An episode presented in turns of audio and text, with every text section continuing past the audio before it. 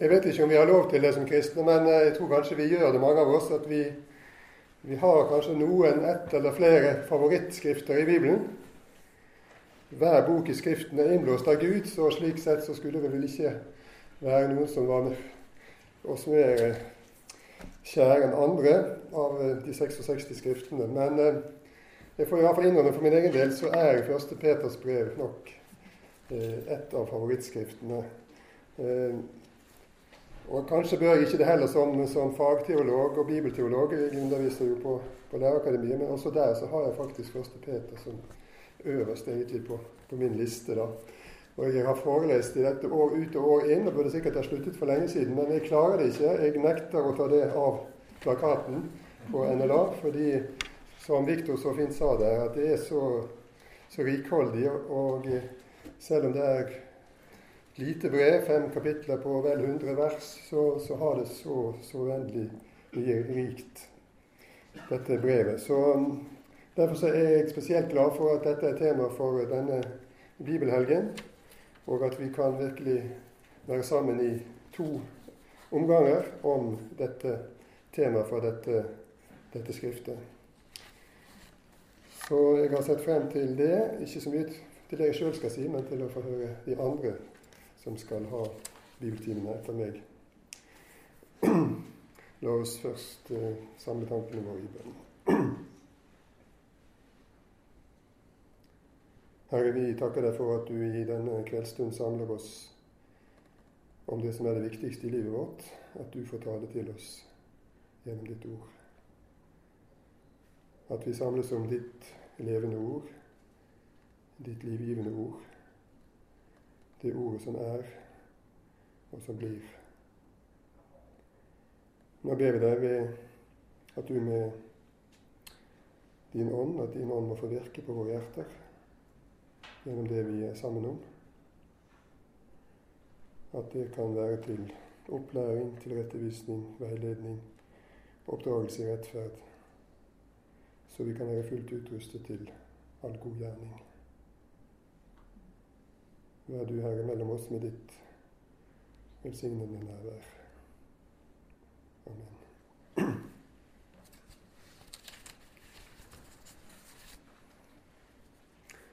Ja, Viktor har gjort to ting. Ikke bare har han understreket hvor rikholdig dette lille brevet er, men han har også sitert Luther, og det hadde jeg faktisk tenkt å gjøre, det samme sitatet. Men det er litt lenger, så jeg kan sitere andre delen av det da. Men jeg synes det passer veldig godt, fordi han har jo Luther, som mange vil vite, av det han har skrevet forord da han oversatte til Nytestamentet til tysk. Så forsynte han også Skriftene med et lite forord, eller større eller lengre forord. Og jeg siterer det du sa, og litt til. Han sier da følgende at den som får tak på bare dette ene brevet, han har uten tvil nok. Han trenger ikke mer uten at Gud av overflod lærer rikelig det samme også i andre bøker. Det finnes ikke noe vesentlig utover det som sies her. For her har apostelen ikke glemt noe av det som er nødvendig for en kristen å vite. Ja, det er en god attest å få når man har skrevet et slikt brev. Nå har jeg laget en eh, disposisjon for denne bibeltimen. Den får dere ikke lese sånn eh, jeg sier fra, men jeg eh, skal, eh, jeg skal prøve å si hvor jeg befinner meg i denne disposisjonen.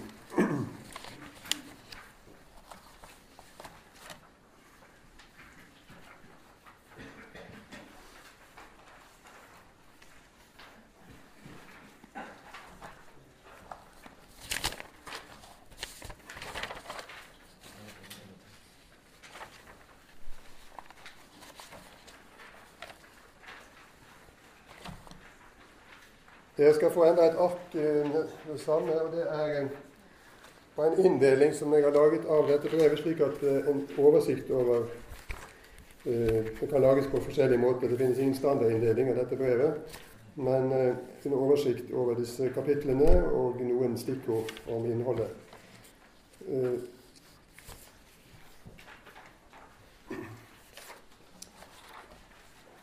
Og Da vil dere se at jeg har delt inn det brevet etter ett tema som vi ikke skal ha som en eget tema i bibeltimen her, men som går igjen sikkert hos flere av oss likevel. Og det er jo håpet. Det er helt påfallende hvor sterkt dette temaet håpet er i dette brevet. Eh, det fremgår faktisk bare også av en liten statistikk, forholdet mellom tro og håp i dette brevet. Der er forholdet ellers i Nytestamentet i brev tre til én, altså tre ganger håp, tro og én gang håp. Men eh, i Peters brev er det omtrent én til én. Det er seks trosutsagn og fem håputsagn. Og det kristne håp altså som et hovedtema. De kristnes liv, de kristnes vilkår, bestemmes ut fra deres håp. Håpet er kristenlivets motor, drivkraft. Og jeg Dere husker jo det at det begynner med en lovprisning i kapittel 1, dette brevet. At man er født ikke bare til et nytt liv som kristen, men man er født. Den, den følelsen innebærer også et levende håp.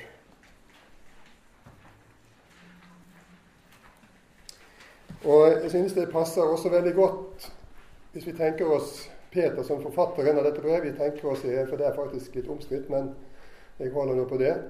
Og da synes jeg nettopp at det er naturlig at håpet er så dominerende. Fordi et levende håp, det gir vel et veldig godt uttrykk for hvorledes de første kristne opplevde påskeerfaringen. Deres håp var jo brutt sammen langfredag, da Jesus ble korsfestet. Men påskeerfaringen, møtet med den oppstandende, betydde ja en fornyelse, og ikke bare det, en gjenfødelse av håpet. Og det passer jo spesielt og ekstra godt på Peter. Han som sviktet, han for hvem alt håp på en måte var ute, han fikk nytt håp.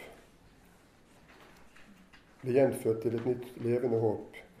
Påskeerfaringen var for Peter på en helt spesiell måte, tenker jeg meg, først og fremst et nytt håp. Vi vet at for Paulus så innebar møtet med den oppstandende Han gikk fra vantro til tro. Men for Peter så var dette møtet som førte ham fra fortvilelse til nytt og levende håp. Så håpet synes jeg er fint å ha som overskrift på disse hovedavsnittene, som man gjerne deler dette brevet inn i, slik som jeg har gjort det da på, på det arket som dere har fått. Men ellers skal vi ikke gå inn på det nå, men det kan være greit å ha en liten oversikt over stoffet på den måten.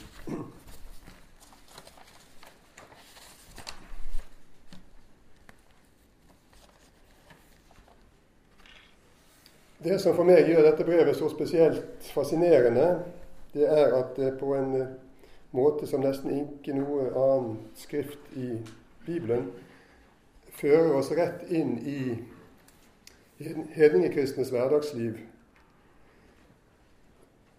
Vi ser hvilken betydning dåpen har for det kristne liv. Og vi får et innblikk i hva det vil si å leve under motstand og lidelse. Og vi ser hele tiden hvordan den kristne tro gjennomsyrer og omspenner hele det kristne liv. Hvordan den kristne tro leves ut i dagliglivets mange praktiske, konkrete forhold. I menighet, i hjem og familie og samfunn. og at alt dette hele tiden er forankret i Kristi frelsesverk. Eh, brevet er skrevet ut fra to formål, sier eh, Peter mot slutten av brevet. Det er veldig greit når de selv til slutt sier hvorfor de har skrevet. Behøver vi ikke diskutere det så lenge. Da har de selv sagt det med klare ord, Forfatteren Av og til så gjør de det. Og 5.12 eh, så står det jo da at eh, dette brevet er skrevet av to grunner. For å oppmuntre adressatene, det skal jeg komme tilbake til, og for det andre å vitne om Guds sanne nåde. for å vitne om Guds sanne nåde, altså om grunnlaget for menighetens og den enkeltes frelse, Kristi død og oppstandelse, og hvordan de kristne ved dåp og tro har fått del i Jesus' soningsverk og er satt inn i, i hans menighet. Dette vil Peter vitne om i dette brevet han har skrevet. Vitne om Guds sanne nåde. Og så viser brevet oss altså så klart hva det vil si å være en kristen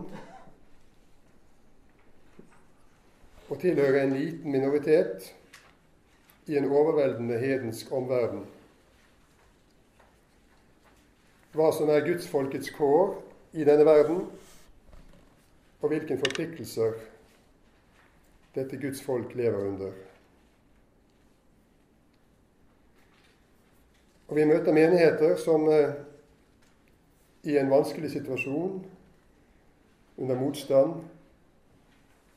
og motgang, oppfordres og oppmuntres til å stå i og holde ut konfliktene. Og eh, det som jeg synes er også så fascinerende her, det er den strategi som forfatteren bruker og legger opp til når det gjelder en spenning som alle kristne til alle tider bør føle på og leve i. Forholdet mellom menigheten, det kristne fellesskapet, på den ene side, og samfunnet, hedenske omgivelser, en fiendtlig omverden på den annen side. Hva gjør man når man utsettes for et slikt press som menigheten, menigheten her i 1. Peters brev tydeligvis gjør det? Trekker de seg tilbake til sine egne trygge sirkler og lar verden der ute fare og klare seg som best en kan uten dem? For det er helt klart at de første kristne, vi er nå på punkt tre her i, i disposisjonen, de blir forfulgt for sin nye Kristus-tros skyld, fordi de bekjenner Kristus for Kristi navns skyld, og for det liv, den livsførsel, det etos som hører med til denne tro. Så blir de forfulgt. Det er nok ikke tale om en organisert forfølgelse fra øverste hold, fra romerske myndigheter osv., som vi vet kom senere. Men eh, det er forfølgelse som først og fremst ytrer seg i ord, altså en verbal forfølgelse. De blir spottet, trakassert, sjikanert, mobbet, baktalt, mistenkeliggjort. Den type forfølgelse er det tydeligvis som er hverdagen for mange av de kristne i dette området. Og dette området, la meg si litt, siden jeg som er førstemann her si litt også om det. Er, hvor er vi her? Dere har fått et kart på dette arket. Og det, der finner vi igjen noen av navnene da på, på de adressatmenighetene som nevnes i åpningen av brevet, i 1.1. Det er de kristne som lever i Pontos, Galatia, Kappadokia, Asia og Bitinia. Det er de fem navnene. Eh, det er Antagelig det er litt diskusjon om det, om det er landskapsnavn eller om det er romerske provinsnavn. Men i alle fall så befinner vi oss da i de vestre og nordlige deler av dagens Tyrkia, Anatolia-området, eh, og i hovedsakelig hedningkristent område. Den rekkefølgen som disse navnene har her, at det begynner med Pontus osv., det er antagelig den eh, ruten som eh, den som overbrakte brevene, brevet. Dette er jo et sirkulasjonsbrev, tydeligvis. Det, er, det går til disse ulike stedene, menighetene der. Skulle sirkulere, og eh, rekkefølgen er nok da sett fra vest, fra Roma. Og så er disse stedene nevnt geografisk på den måten. Noen av disse kjenner dere jo fra Paulus sine brev, mens andre er ukjente. og Vi vet ikke noe om hvorledes evangeliet er kommet dit om Paulus har vært der, om Peter har vært der. Det er ukjent. Men eh, det var altså oppstått kristne menigheter der oppe ved Svartehavet, som en del av disse menighetene holdt til. Eh, på mange måter er det litt i utkanten av de store kristne sentra på den tiden. Utkantmenigheter. Eh, omfanget vet vi ikke noe om. Det er ulike gjetninger på hvor mange mennesker som bodde i disse områdene. Alt fra fire til åtte millioner, har jeg lest. Og eh, hvis de kristne utgjorde en femtiendedel, det var sikkert for mye, men da ville de vel utgjøre 80 000-160 000 eventuelt. Det er antagelig et for høyt tall. Det kan antagelig mindre tall enn det. I alle fall så er det en klar minoritetssituasjon. Eh, kristne som lever omgitt av i en ikke-kristen sammenheng, de aller fleste som de møter i sin hverdag, naboer, slektninger, de er ikke-kristne, hedenske omgivelser.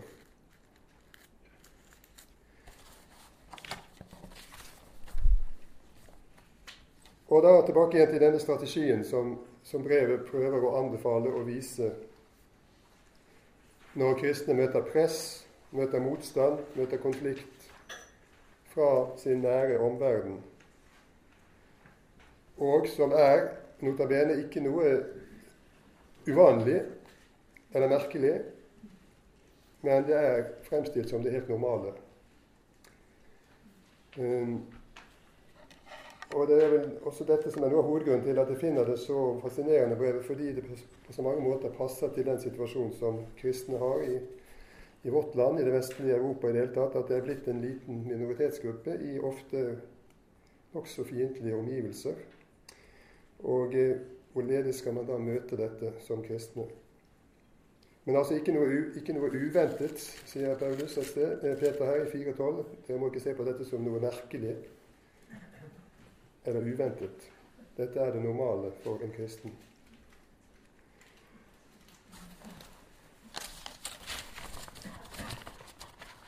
En lever da, De kristne lever i spenningen mellom Jeg har brukt et par fine ord som jeg ikke har så mye greie på, for jeg er ikke realist når det gjelder matematikk og fysikk og sånt. så har jeg ikke så mye greie på det. Men jeg, jeg har brukt ordene sentrifugalt og sentrifugalt. Det er sikkert noen som kan definere det bedre enn meg. Men det har noe med bevegelsen utover eller innover i forhold til sentrum. Og i dette spenningsfeltet mellom det sentrifugale og sentripetale eh, å søke innover, i dette tilfellet da mot ens eget eh, samfunn, mot menigheten, mot fellesskapet, og, og det å søke utover mot å møte mennesker der de er, med evangeliet og med en kristen livsførsel. Å finne en vei da mellom isolasjon, trekke seg tilbake på den ene side, og konformitet, eller tilpassing, en ukritisk tilpassing, en falsk tilpassing på den annen side. Det synes jeg at eh, dette brevet er et godt eksempel på. At det er en vei der mellom disse to mellom det å ikke overlate verden til seg selv, men møte den. Og samtidig ikke møte den på en slik måte at man går opp i den og under i den.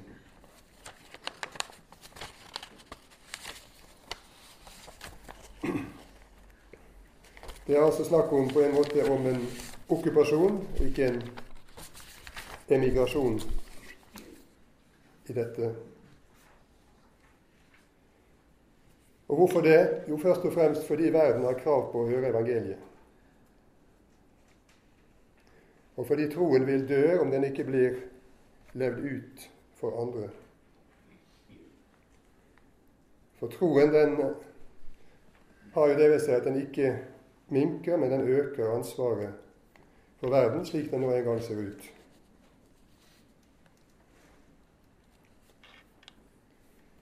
Og Dette er det altså spørsmålet som disse kristne her stadig møter. Hvordan være kristen i disse omgivelsene, i dette samfunnet. Der de ble opplevd som en provokasjon, tydeligvis, av omgivelsene. Fordi de ikke var konforme. Fordi de satte spørsmålstegn ved den rådende toleranseideologien. fordi de fremhevet sin tro som den eneste sanne. Slike grupper kan alltid oppfattes som farlige for stabilitet og må diskrimineres, forfølges på forskjellig vis. Men hele brevet ånder av dette la dere ikke presse ut av utover sidelinjen. Men eh, bruk okkupasjon, ikke emigrasjon.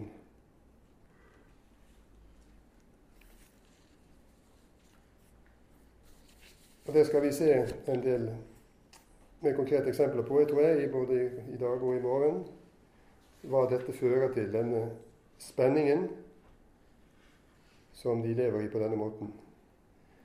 Spenninger kan jo være vanskelig, spenninger kan være destruktive, men kristenlivets spenning, en rett spenning i kristenlivet, det er alt annet enn destruktivt. Det er fruktbart og nødvendig. De skal altså leve det hellige livet. De er hellige. Jeg skal snakke mer om det i morgen. Og dette hellige liv skal de leve midt i verden, i hverdagens ordninger, i samfunnet. Kapittel 2, vers 11, så står det jo i den første direkte formaningen, eller hvor ordet formaning brukes, og hvor det er knyttet nettopp til vårt tema fremmede og utlendinger. De formanes som fremmede og utlendinger. Så står det i, like etterpå der at de skal leve rett blant hedningene. Altså ikke trekke seg unna hedningene, men leve midt iblant dem. Men de skal leve rett og godt etter Guds vilje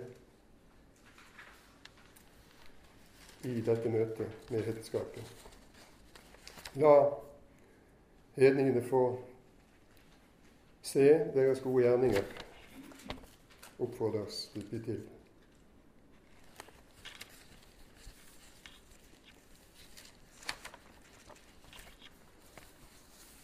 Vi skal så Dette var altså litt om strategien mellom isolasjon og tilpasning, som jeg har kalt det, og som vi har særdeles mye å lære av.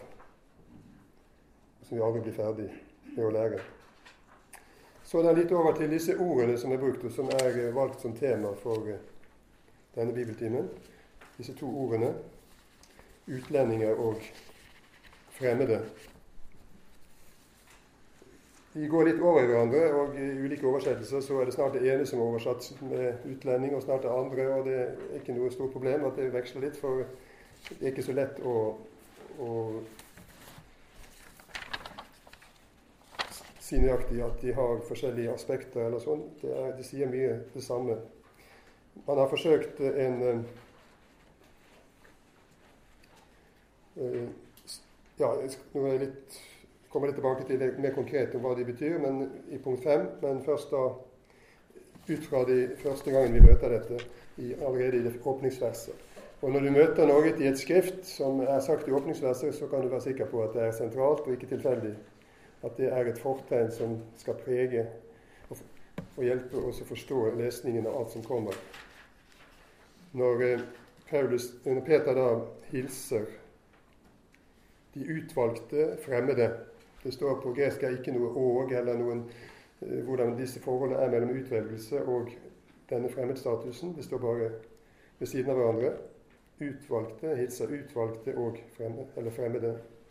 Men det er helt klart at utvelgelse og fremmedstatus er satt i en nøye forbindelse.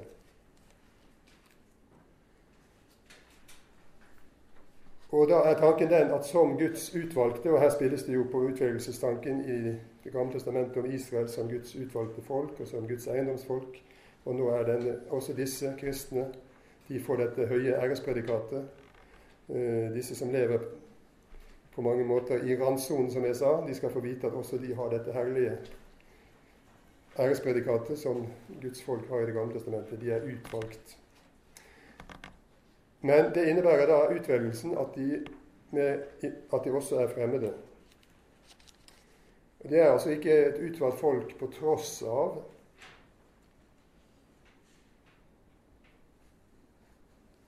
uh, Nei, det er en feil, sier jeg. Ja, altså, de er ikke fremmede på tross av utvelgelsen, men på grunn av den. Det er en følge av utvelgelsen. Det å være utvalgt her, det medfører denne fremmedstatus. Og Det vil igjen si at denne fremmedstatus den er grunnleggende, den er konstituerende for deres status som kristne.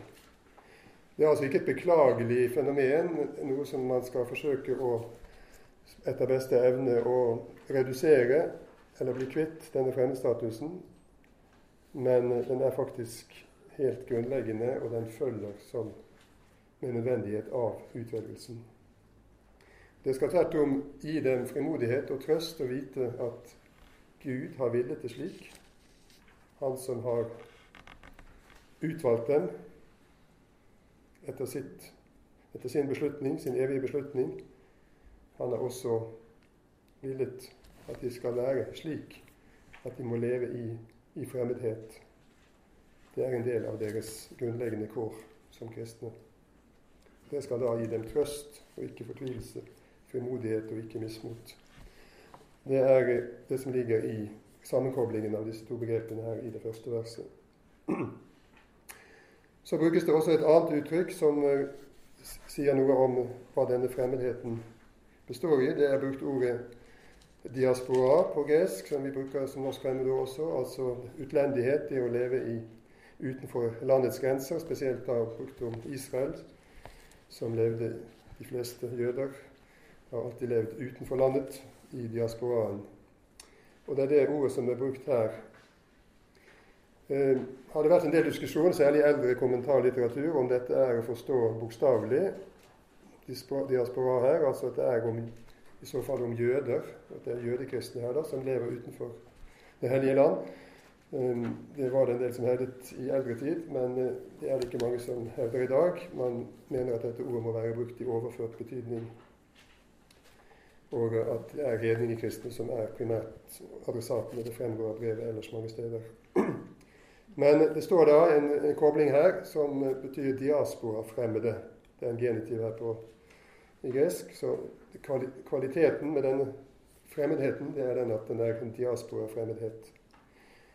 Og det er da et, et annet ord for hjemløshet.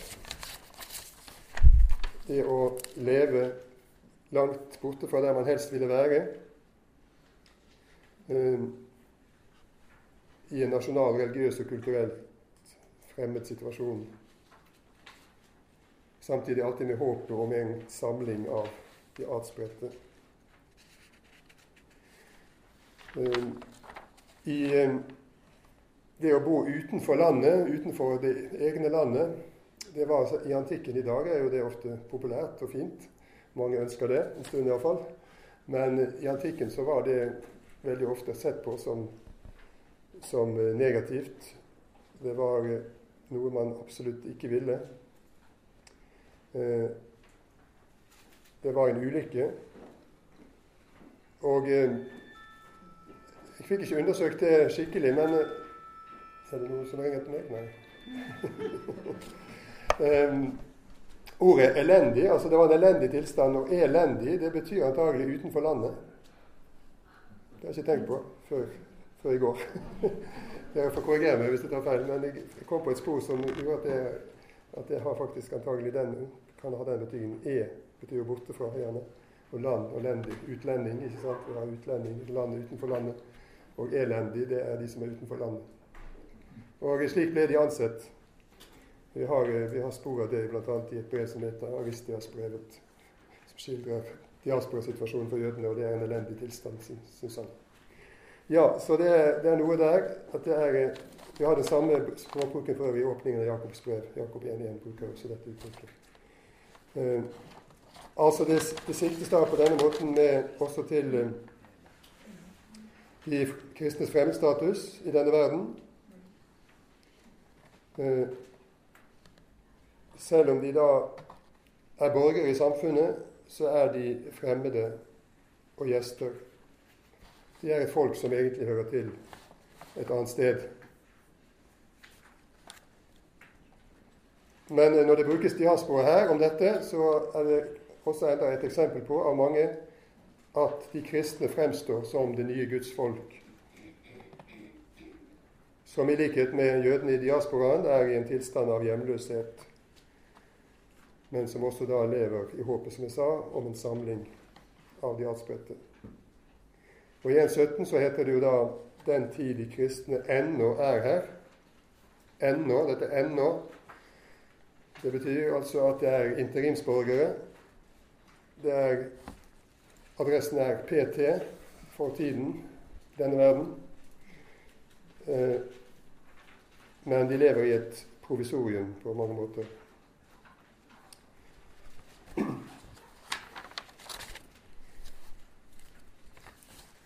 kommer litt tilbake til dette senere. Men, det er altså disse to karakteristiske trekkene da i én igjen når det gjelder fremmedstatusen, som jeg har nevnt her. Utvelgelse, fremmedstatus hører sammen, og diaspora, hjemløshet.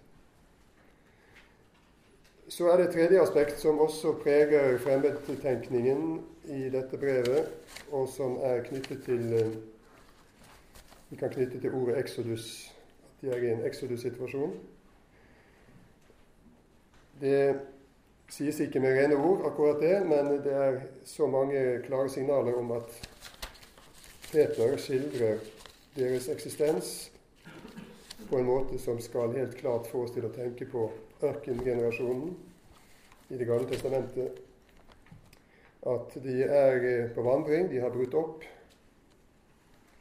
og er på vandring mot et mål, på samme måte som israelsfolket brøt opp og vandret mot det lovede land de er en eh, Exodus eller er Exodus-menigheter. Og eh, Exodus-motivet det fremkommer da på en rekke steder. Eh, jeg har satt opp eh, har en liste over det som dere kan få, men den skal jeg heller ikke lese noe helst. Men den kan komme igjen. Er mulig at jeg skal vise til et par av de, da kan dere få se, men ellers kan dere ta den. Det er selvfølgelig litt skjønnsspørsmål hvor mange slike motiver man finner. Noen finner svært mange, noen mener litt for mange. Andre finner nesten ingen, men jeg tror at det er helt klart ganske mange. Og vi skal konkretisere et par av dem seinere i morgen også. Um,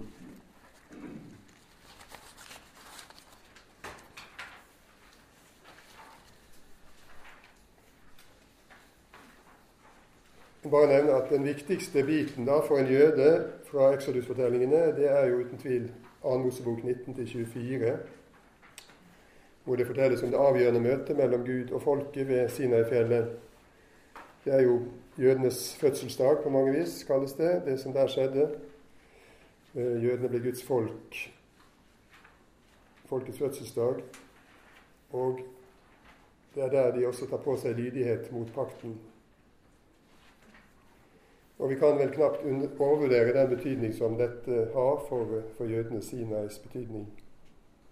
Og Disse tekstene er det altså vi møter igjen på forskjellig måte flere ganger i 1. Peters brev, og det overføres da på, på den kristne menighet. At eh, også de kristne har en utvelgelsesstund, men det er helt klart at det sies at den på mange måter overgår Sinai-hendelsen.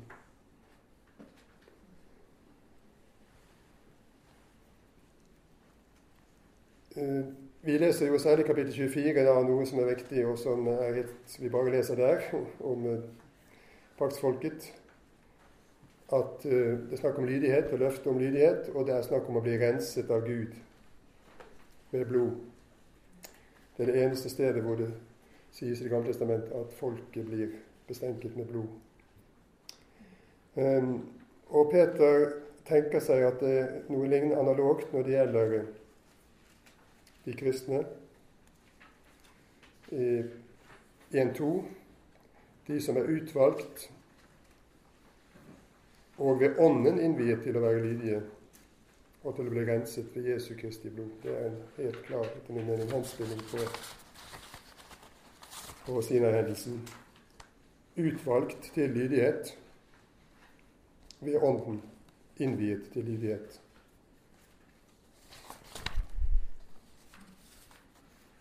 Altså ved Ånden og ikke ved loven. Og renset med blod, men et mye mer verdifullt blod, Jesu dyrebare blod.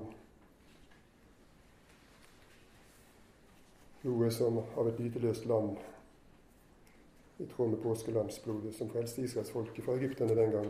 2. Mosebok 12.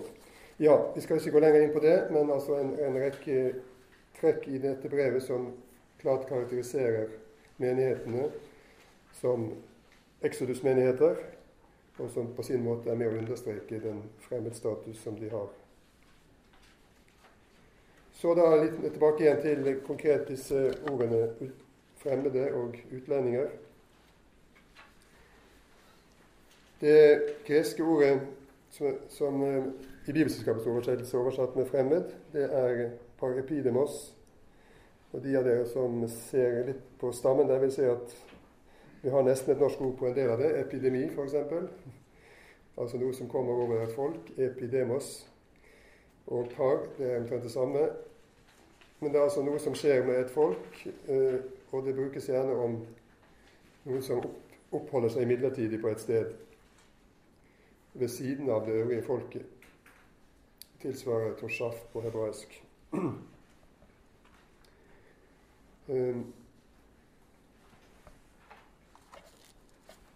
og har eh, Noen forsøker å lage et skille her mellom par epidemos, det ene greske ordet altså, med fremmed, og det andre som da er paroikos, som bokstavelig talt betyr å leve ved siden av huset. Um, at det ene, da har man visse rettigheter, i samfunnet man oppholder seg, men, i den andre statusen så har man ingen uh, rettigheter og er på mange måter uten borgerrettigheter i det hele tatt. Men i alle fall så er det helt klart at det er en situasjon som er preget av at uh, man ikke bor fast. Man hører egentlig ikke til der, men et annet sted. Uh, men kan altså ha en viss, kan tolereres, men det er også litt variert, i variabel grad hvor mye man blir tolerert.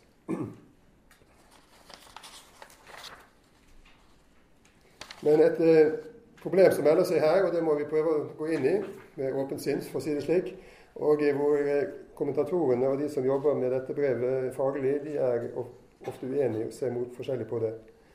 Det er hvorledes denne forholdet her mellom det vertikale og det horisontale skal forstås. Ehm, er det det tradisjonelle kristne pilegrimsmotivet som vi har for oss her? Skulle vi ha sunget til å begynne med i dag 'Jeg er en gjest i verden' på reis som framand her, for å bruke stikkordet. Hadde det vært den mest høvelige sangen? Nå tok ikke Viktor det, og med hensikt, sa han. Jeg vet ikke hvorfor, men det kan vi snakke om etterpå. Men det kunne jeg ha gjort det. Men jeg er ikke sikkert at dette likevel er den mest passende sangen akkurat til dette temaet. Selv om vi veldig snart, selvfølgelig, det, når vi hører disse ordene 'fremmede', 'exodus på vandring' osv., så, videre, så så tenker vi vel at dette må være omtrent det samme som vi har disse kjente stedene i, i Filippabrevet 320 og i, Hebreabrevet, som jeg har anført her. Jeg husker vel stedene, men vi kan ta tid til å sitere dem.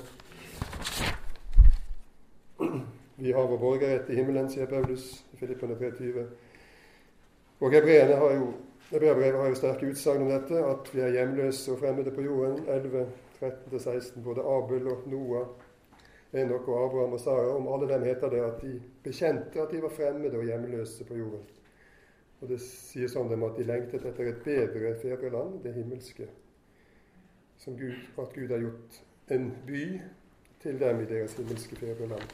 Det er jo den, den ladede, tradisjonelle himmellengsel som, som, vi har der på den, den, sterke måten. Og også i slutten av Hebrevet i kapittel 13, vers 14, hvor det sies at vi her på jorden ikke har noen by som består, men at vi lengter etter den byen som skal komme. Den byen som et annet sted kalles byen med de faste grunnvollene. Den som ikke noe kan rokke, den som Gud har bygget, er byggmester for og har skapt. Um, ja, er det, er det, den altså er det denne vertikale dimensjonen, relasjonen, som også Petersbrevet vil, vil gi uttrykk for med den terminologien som vi har her?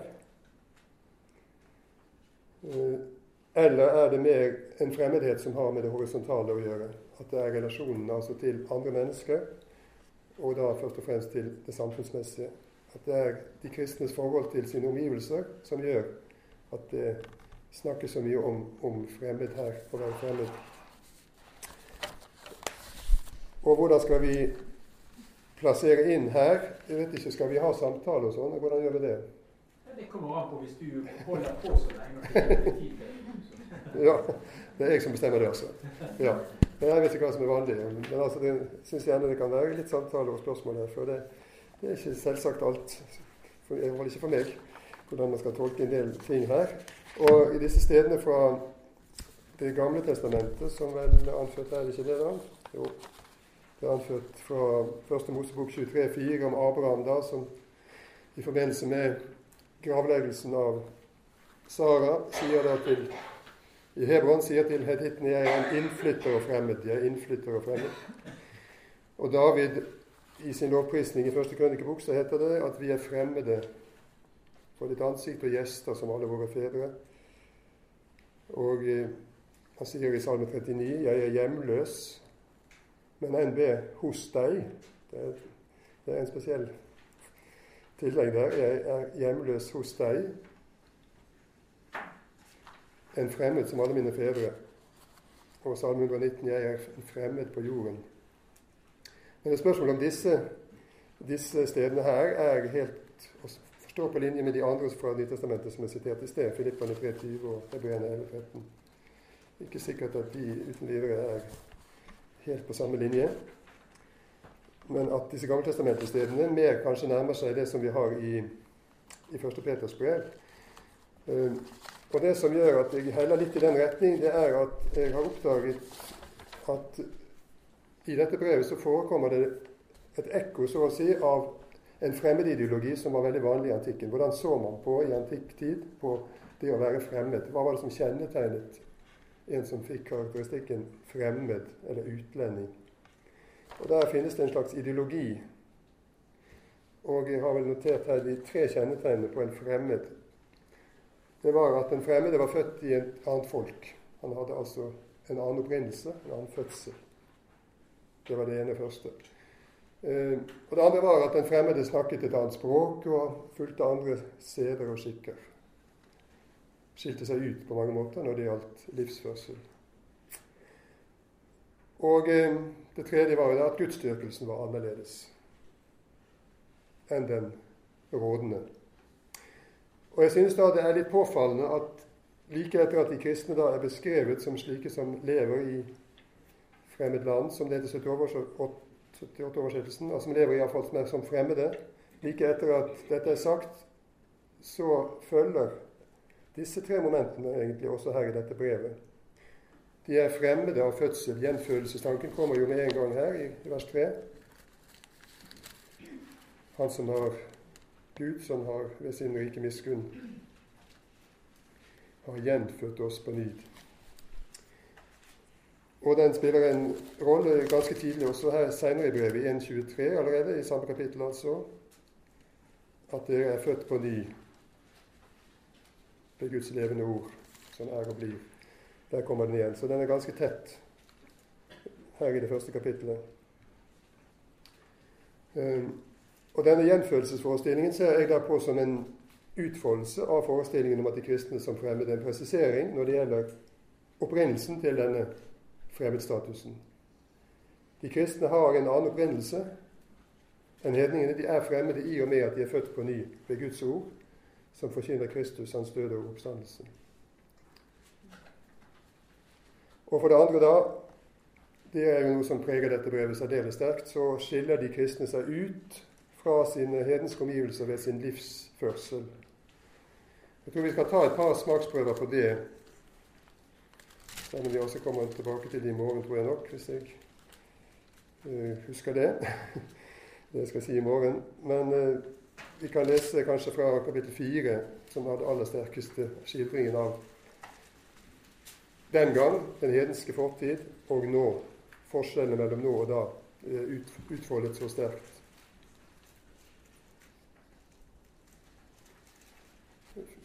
Fra vers 2 der Dere skal ikke lenger leve etter menneskelige lyster, men etter Guds vilje den tiden du har igjen å leve i kroppen. Det er nok at dere i den tiden som er gått, har levd slik hedningene vil i utskeielser og lyster, i drikk, festing og fyll, og i forkastelig avgudstøkelse. det har vi det tredje momentet. Nå, ja. Nå undrer de seg fordi dere ikke lenger løper med dem ut i denne strømmen av utskeielser, og de spotter dere. Eh, for øvrig, der har vi et skjult spor av temaet vårt som ikke er lett å se hvis ikke man kan gresk. Og det er heller ikke oversettelsen, for det står 'de undrer seg'. Eh, det ordet som er brukt på gresk der, det har ordet 'fremmed' i seg, i stammen. Eh, og Det kan oversettes med, da, hvis vi skulle prøve å få det frem, at, at de kristne virker fremmede på dem. Så det ligger faktisk et fremmedmoment i dette, og at de blir på en måte provosert av denne fremmedheten deres, fordi en gang så var de jo som de, og så er de nå så totalt annerledes, og det provoserer dem. Denne undringen, men det er altså en, en negativ undring, for så vidt. De, de er provosert av at de er fremmede. Men altså en veldig kontrast da her, og helt klart at um, Altså de blir, på en eller annen måte, Disse som uh, møter sine tidligere medhedninger, de blir forundret fordi de virker så fremmed uvanlig. De, de, kristne virker nå som et fremmedelement og provoserende, som jeg sa, på sine omgivelser. Men altså dette er da tilsvarende andre leddet i den fremmedideologien, at de har andre skikker, de har en annen livsførsel. De taler på mange måter et annet språk, sånn i overført betydning også der iallfall. Og selvfølgelig det tredje momentet, at de har en annen gudsdyrkelse. Um, de bekjenner nå troen på den ene Israels Gud, på Jesu Kristi Far, på den ene sanne Gud. Så dermed så er det mye som da tyder på at, at Peter bevisst eller ubevisst har hatt, kjent til dette og har henspiller mer eller mindre bevisst på det i fremstillingen her. Og Det betyr igjen da i neste omgang, for å fullføre resonnementet mitt, at det er også på det horisontale, horisontale plan vi møter eh, denne fremmedtanken. Men eh, det behøver ikke være noen motsetning her. Det er ting som går over i hverandre. Dette det horisontale, det vertikale. Eh, pilegrimstanken og dette å være fremmed i omgivelsene i forhold til andre mennesker fordi en har kommet til en ny tro og fått et nytt etos som livet preges, preges av. Men eh, jeg bare nevner dette som eh, en spørsmålsstilling da, som er der. Dette mellom det vertikale og det horisontale.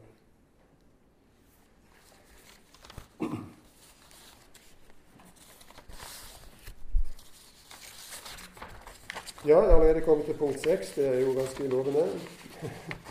Men det er ikke allerede. Vi skulle jo slutte om fem minutter. Men, og det er, det er spisepause etterpå, så jeg vet at nå alt som går på overtid nå, det er ikke bra. Men jeg er snart ferdig. Men det er et viktig punkt. Det sjette punktet her. Det er at selv om de er fremmede,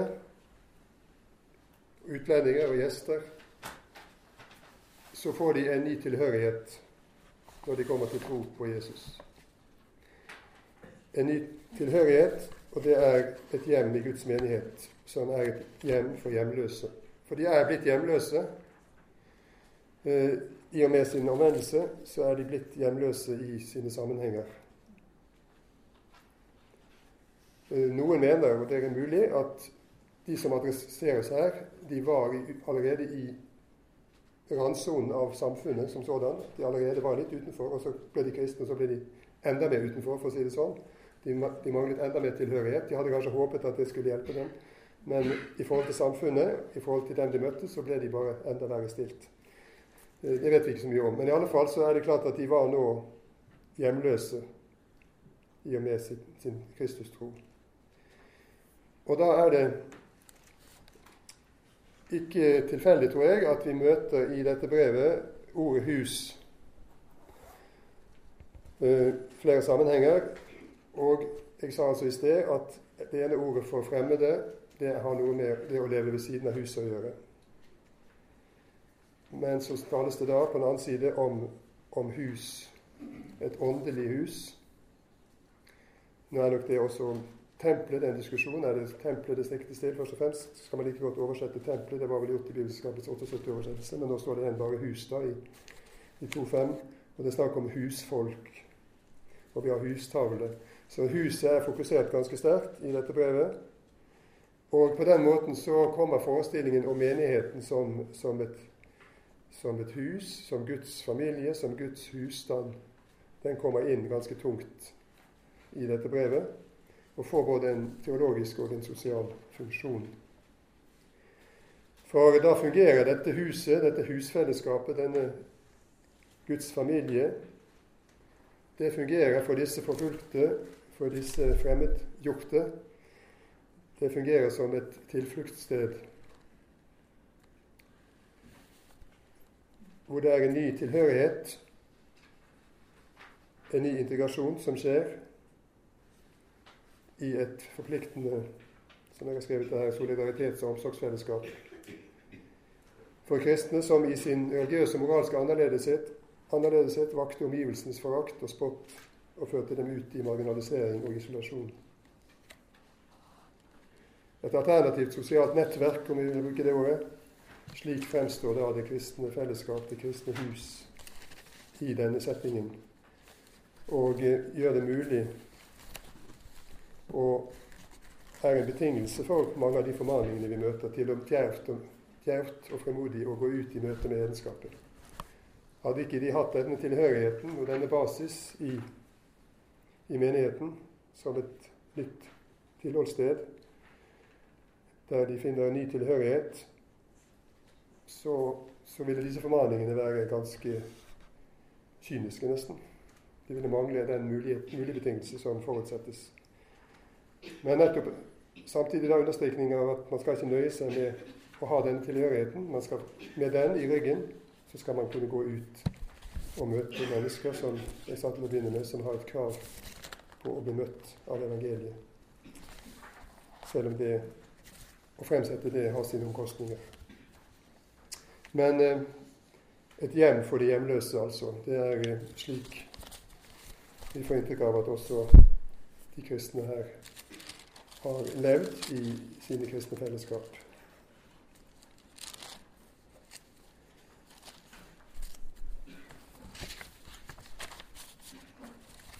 Da skal jeg slutte med det.